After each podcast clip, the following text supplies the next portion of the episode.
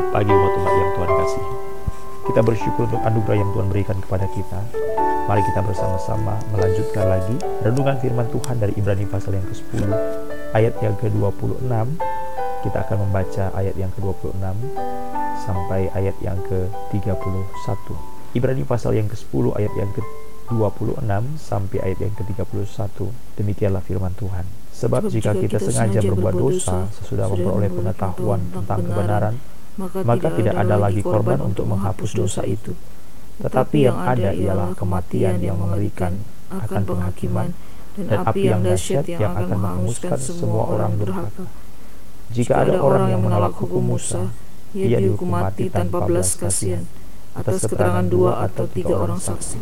Betapa lebih beratnya hukuman yang harus dijatuhkan atas dia yang menginjak-injak anak Allah, yang menganggap najis darah perjanjian yang menguduskannya, dan yang menghina roh kasih karunia. Sebab kita mengenal dia yang berkata, Pembalasan adalah aku, akulah yang akan menuntut pembalasan. Dan lagi, Tuhan akan menghakimi umatnya. Ngeri benar kalau jatuh ke dalam tangan Allah yang hidup. Sampai di sini pembacaan kitab suci. Haleluya, puji Tuhan. Setelah sekian banyak uraian-uraian dan begitu panjangnya dan begitu tepatnya apa yang ditulis oleh penulis Ibrani bahwa apa yang dikerjakan Kristus di kayu salib lebih besar dari segala sesuatu, sempurna dan tidak ada yang seperti itu, maka semua orang diajak untuk mengerti, untuk datang menghampiri tempat kudus Tuhan, menghadap kepada Dia suatu kesempatan dan jalan yang terbuka. Apakah ada kemauan? Itulah yang disampaikan dan satu hal yang dikunci dengan sangat indah sekali. Janganlah jauhkan diri dari pertemuan-pertemuan ibadah. Merupakan suatu indikator, merupakan suatu tanda, merupakan suatu ciri-ciri orang ini sudah diselamatkan atau tidak. Kenapa? Karena pada akhirnya, pada waktu dia datang kepada Tuhan, pada waktu dia mendekat kepada Allah, maka itu tampak dari ibadahnya. Jadi ibadahnya itulah merupakan suatu bukti nyata bahwa dia datang kepada Allah dengan penuh keberanian. Jadi saudara yang dikasih Tuhan, memang ini merupakan suatu tanda yang tidak bisa kita pungkiri. Kita tidak bisa mengatakan bahwa dengan banyaknya kebaktian maka orang itu diselamatkan, bukan. Tetapi bahwa dia diselamatkan itu tampak dari dia beribadah, dia berkebaktian. Tidak mungkin orang itu tidak kebaktian kalau dia adalah orang diselamatkan. Atau tidak kita balik, jangan dibalik ya. Jangan kita berkata, oh karena dia kebaktian maka dia diselamatkan. Bukan. Karena dia adalah orang diselamatkan, maka dia tidak pernah lalai dalam kebaktian. Jadi kebaktian itu merupakan suatu standar dasar, ya, standar dasar, ciri dasar yang paling dasar bahwa orang itu diselamatkan, ciri dasar. Nah, setelah berbicara tentang hal ini, saudara-saudara dikasih Tuhan, maka ada satu hal yang diingatkan lagi. Ini adalah kali yang ketiga dibicarakan. Dalam pasal yang ketiga sudah dibicarakan. Pasal yang ketiga, ayat yang ke-12 13. Kemudian dalam pasal yang ke-6 sudah dibicarakan. Sekarang dalam pasal yang ke-10 dibicarakan lagi. Ayat yang ke-26, ini ciri yang harus diwaspadai.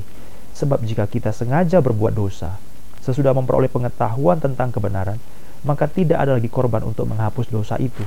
Apa ini? kematian yang mengerikan akan penghakiman dan api yang dahsyat akan menghanguskan semua orang durhaka. Jadi pasal 3 Ibrani itu disebutkan sebentuk istilah murtad. Pasal yang ke-6 disebut dengan istilah murtad. Pasal yang ke-10 ini disebut dengan istilah durhaka. Jadi memang saudara-saudara ada suatu pembalikan. Jika engkau datang kepada Allah setelah engkau diselamatkan, engkau datang kepada Tuhan, semakin giat beribadah, semakin giat beribadah, semakin giat beribadah sebagai tanda dasar bahwa engkau diselamatkan, maka itu suatu respon positif. Tetapi sebaliknya, jika engkau justru menjauh, bukan datang, tapi justru engkau menjauh, menjauh, sengaja berbuat dosa, ini respon negatif. Maka ini disebut murtad. Ini disebut murtad. Jadi kita sudah berulang kali membicarakan bahwa murtad bukanlah sesuatu hal yang istilah yang disebut bombastis atau terlalu berlebihan. Tidak. Itu istilah biasa yang juga menjadi hal yang lazim, yang menjadi hal yang akrab, terjadi di antara orang-orang yang sudah mengenal atau diperkenalkan kebenaran. Sama seperti orang Israel, mereka telah dipimpin dari Mesir, mereka telah dibawa dibebaskan dari perbudakan, mereka melihat mujizat, mereka menerima perkara-perkara yang baik dari Allah secara langsung. mereka di bawah pimpinan Musa, mereka hidup sebagai satu kelompok di bawah suatu jemaah yang sama, tetapi mereka semuanya disebut sebagai orang yang murtad. Itu sebabnya mereka tidak masuk dalam perjanjian. Jadi istilah murtad bukanlah istilah yang jauh-jauh amat. Istilah murtad adalah orang yang ada di antara kita. Siapakah itu? Orang-orang di antara kita yang telah mengenal kebenaran. Dan Alkitab mengatakan dalam ayat 26 adalah sengaja berbuat dosa sesudah memperoleh pengetahuan tentang kebenaran. Nah, mari kita perhatikan kalimat ini. Untuk menjadi seorang yang disebut durhaka, untuk menjadi seorang yang disebut memberontak terhadap Allah, untuk disebut menjadi orang yang murtad, hanya Perhatikan kalimat ini saudara, ini serius sekali. Hanya hanya disebut sebagai orang yang sengaja sinful willfully sengaja berbuat dosa sesudah memperoleh memperoleh apa? pengetahuan. Hanya pengetahuan. Mungkin Alkitab tidak bicara pengalaman, tapi hanya memperoleh pengetahuan. Alkitab tidak membicarakan tentang kesaksian. Alkitab tidak membicarakan mujizat, Alkitab membicarakan tidak membicarakan segala sesuatu yang lain.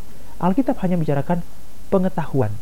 Engkau tahu, tetapi engkau tidak menjalankannya. Engkau dengan sengaja berbuat dosa setelah engkau memperoleh pengetahuan. Pengetahuan. Saudara tahu betapa kuatnya kalimat ini? Pengetahuan. Pengetahuan. Jadi kita tidak bisa mengatakan, Tuhan, aku ini berbuat dosa karena apa? Karena aku belum mengalami loh. No, bukan. Kita tidak bisa mengatakan, Tuhan, aku berbuat dosa ini bukan apa ya, karena aku itu belum melihat dengan mata kepala sendiri. Enggak, bukan. Tidak perlu engkau mengalami, tidak perlu engkau melihat dengan mata kepala sendiri, tidak perlu engkau sebut bahwa aku belum pernah lihat mujizat. Tidak perlu engkau lihat, aku belum pernah mendapatkan berkat. Tidak, tidak. Engkau tidak perlu pada level pengalaman. Engkau tidak perlu kepada level penghayatan. Engkau tidak perlu dalam level sesuatu yang lain. Engkau hanya perlu dalam satu level tahu, pengetahuan. Nah, gitu ya. Jadi ada banyak orang kan tahu istana negara, tahu Presiden Jokowi, tapi walaupun dia tahu presiden, dia mungkin belum pernah ketemu presiden loh. Dia tahu presiden Indonesia, tapi mungkin dia belum pernah berjabat tangan dengan presiden, ya kan? Jadi kira-kira kalau kita tanya mana yang lebih hebat, orang yang tahu Presiden Jokowi, tahu istana negara, atau orang yang sudah pernah bertemu dengan presiden, atau pernah pergi ke istana negara, masuk istana negara, atau orang yang pernah berjabat tangan dengan Presiden Jokowi. Kira-kira mana yang lebih kira-kira tinggi kadarnya? Ya kita mungkin mengatakan yang lebih tinggi kadarnya adalah ya orang yang pernah ketemu tatap muka, jabat tangan, bersalaman dengan presiden tuh. Itu yang lebih tinggi kadarnya kan.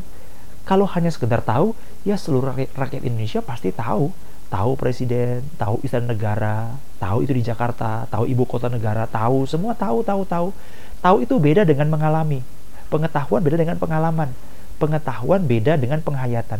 Pengetahuan beda dengan orang yang penerimaan. Pengetahuan beda dengan persetujuan. Pengetahuan beda dengan kes kesediaan. Pengetahuan beda dengan pernah nggak menjalani. Beda semuanya. Beda. Tetapi Alkitab mengatakan, tetapi Alkitab mengatakan, bukan pengalaman, bukan penglihatan, bukan penghayatan, bukan penerimaan, bukan persetujuan, hanya pengetahuan. Saudara lihat betapa tidak boleh kita memandang enteng bahwa pada waktu kita menerima pengetahuan tentang kebenaran itu sudah menjadi syarat yang sangat-sangat minimal pada waktu kita sengaja berbuat dosa walaupun kita sudah tahu pengetahuan tentang kebenaran kita disebut sebagai orang yang durhaka. Jadi itu sebabnya murtad itu tidak jauh-jauh saudara-saudara. Bukan berarti saudara harus berpindah agama baru saudara disebut murtad. Durhaka itu tidak jauh-jauh saudara-saudara. Bukan berarti saudara menjadi orang yang memberontak, menjadi seorang yang mendeklarasikan perlawanan kepada Allah secara terbuka dengan bicara, dengan suatu banner baliho, dengan suatu pengumuman. Pengumuman mengatakan, saya memberontak kepada Allah. Tidak, tidak. Ini hal yang sederhana. Engkau tahu tentang kebenaran. Tidak peduli kebenaran itu pernah engkau alami. Tidak peduli kebenaran itu engkau setuju atau tidak setuju. Tidak peduli kebenaran itu engkau hayati atau tidak engkau hayati. Tidak peduli bahwa kebenaran itu adalah kebenaran yang pernah nyata konkret dalam hidupmu atau tidak. Tetapi begitu engkau tahu kebenaran itu, tapi engkau dengan sengaja berbuat dosa melawan kebenaran itu, engkau disebut orang durhaka. Seperti yang saya katakan tadi, tidak peduli engkau pernah salam dengan Presiden Jokowi, tidak peduli engkau pernah ketemu dengan Presiden Jokowi, tidak peduli apakah engkau pernah berjabat tangan dengan Presiden Jokowi, tidak sampai ke situ, engkau tahu bahwa ada namanya Presiden Republik Indonesia, Presiden Jokowi, hanya sekedar level pengetahuan, walaupun tidak pernah ketemu, tidak pernah ke Jakarta, tidak pernah apa, hanya tahu saja. Tapi pada waktu engkau bertindak berlawanan dengan itu, maka engkau disebut orang durhaka, engkau memberontak. Demikian juga dengan hal yang disebut dengan durhaka kepada Allah. Saudara lihat betapa kuatnya ayat ini. Kuatnya ayat ini untuk membuktikan kepada kita ada satu respon negatif. Jadi setiap orang yang memiliki respon negatif setelah memperoleh pengetahuan, itu sebabnya ini merupakan satu hal yang tidak ber, boleh kita anggap enteng. Suatu hal yang tidak mudah, suatu hal yang tidak gampang bagi setiap orang percaya untuk hidup. Itu sebabnya kemarin kita sebut menjadi orang percaya itu mudah untuk memulai, tetapi sangat sulit mengakhiri. Karena apa? Karena mudah sekali percaya kepada Kristus. Karena mudah sekali untuk menerima anugerah keselamatan. Sungguh mudah. Tetapi untuk hidup dalam keselamatan itu, untuk menyelesaikan pertandingan dalam pertobatan itu, tidak mudah. Ada satu ruang yang sangat besar sekali. Itu sebabnya keselamatan itu adalah misteri. Kita tidak dalam wilayah suatu hal bahwa saya ini adalah orang yang sudah yakin saya diselamatkan Tentu saja, karena apa? Karena keselamatan itu adalah sesuatu yang pasti dikerjakan oleh Allah jika dia sudah menyelamatkan. Tetapi who knows, siapa yang tahu saya sudah diselamatkan atau belum? Jika saya diselamatkan, itu pasti saya diselamatkan. Jika saya diselamatkan, itu pasti oleh pekerjaan roh kudus. Jika roh kudus telah menyelamatkan, pasti saya akan diselamatkan dan memperoleh hidup yang kekal. Pasti. Tapi pertanyaannya, who knows? Apakah itu sudah ada dalam hidup saya? Who knows? Kalau bukan pekerjaan roh kudus. Oleh sebab itu mudah sekali saudara-saudara tetapi tidak mudah untuk mengakhirinya. Tidak mudah untuk memperoleh kepastian, keyakinan bahwa Roh Kudus Allah ada bersaksi dalam diri saya. Ini merupakan satu hal yang memerlukan pergumulan yang tidak mudah. Nah, itu sebabnya Alkitab mengatakan, pada waktu kita memiliki pengetahuan, tetapi dengan sengaja kita berbuat dosa, maka sungguh sebenarnya kita adalah orang yang durhaka. Suatu respon yang negatif. Suatu respon yang negatif terhadap apa yang telah Allah sediakan umat-umat yang dikasih Tuhan, marilah kita merenungkan betapa kita harus memiliki kesadaran yang penuh. Kesadaran yang penuh pada waktu kita datang di hadapan Allah. Apa respon kita? Banyak sekali. Jadi sebenarnya ada begitu banyak hal yang kita tahu bahwa pada waktu kita hidup dalam keadaan seperti itu, kita berada pada satu bahaya yang sangat besar. Ya, bahaya sangat besar.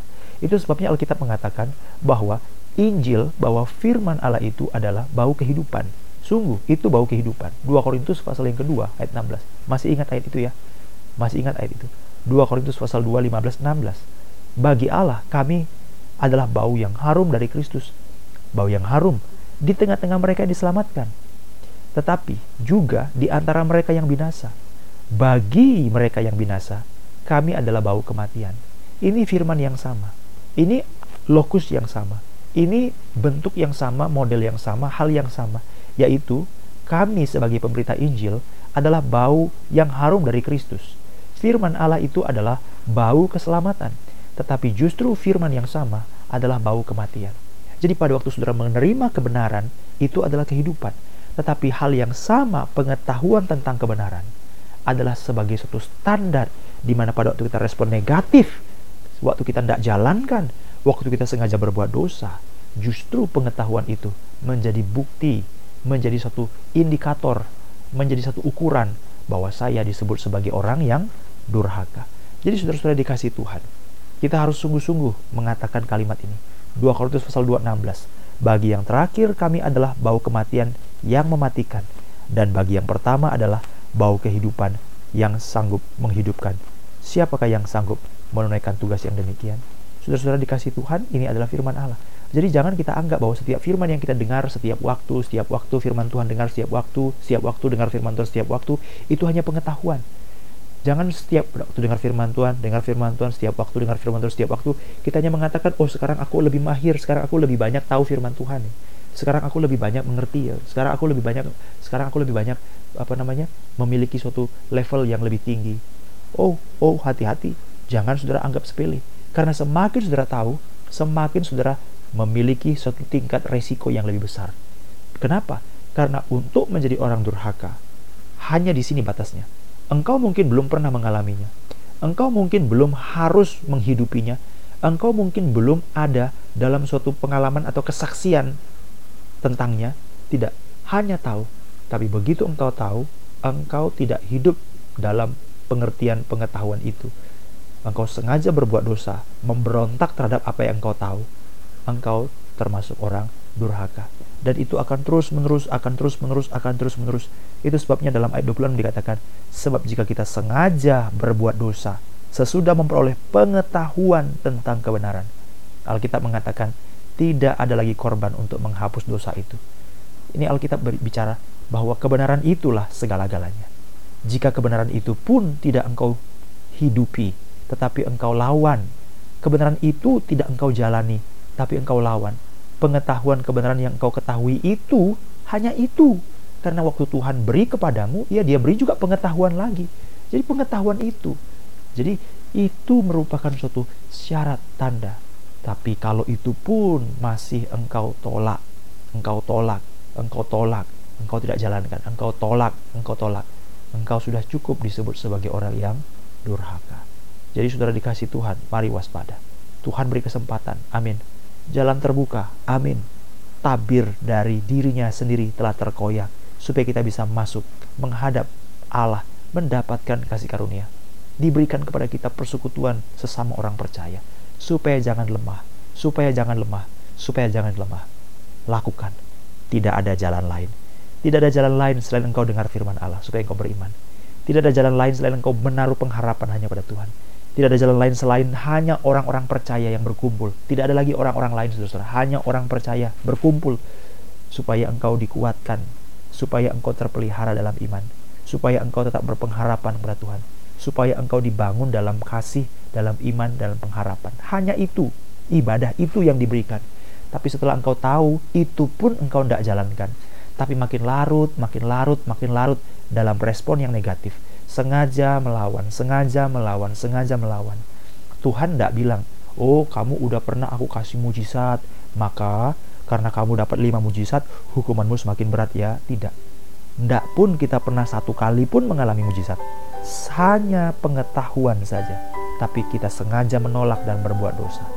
Untuk pengetahuan yang sudah kita terima itu, kita disebut sebagai orang yang durhaka. Mari hati-hati saudara-saudara, waspada saudara-saudara, minta kekuatan dan pemeliharaan dari Allah Roh Kudus supaya kita jangan sengaja berbuat dosa dan melawan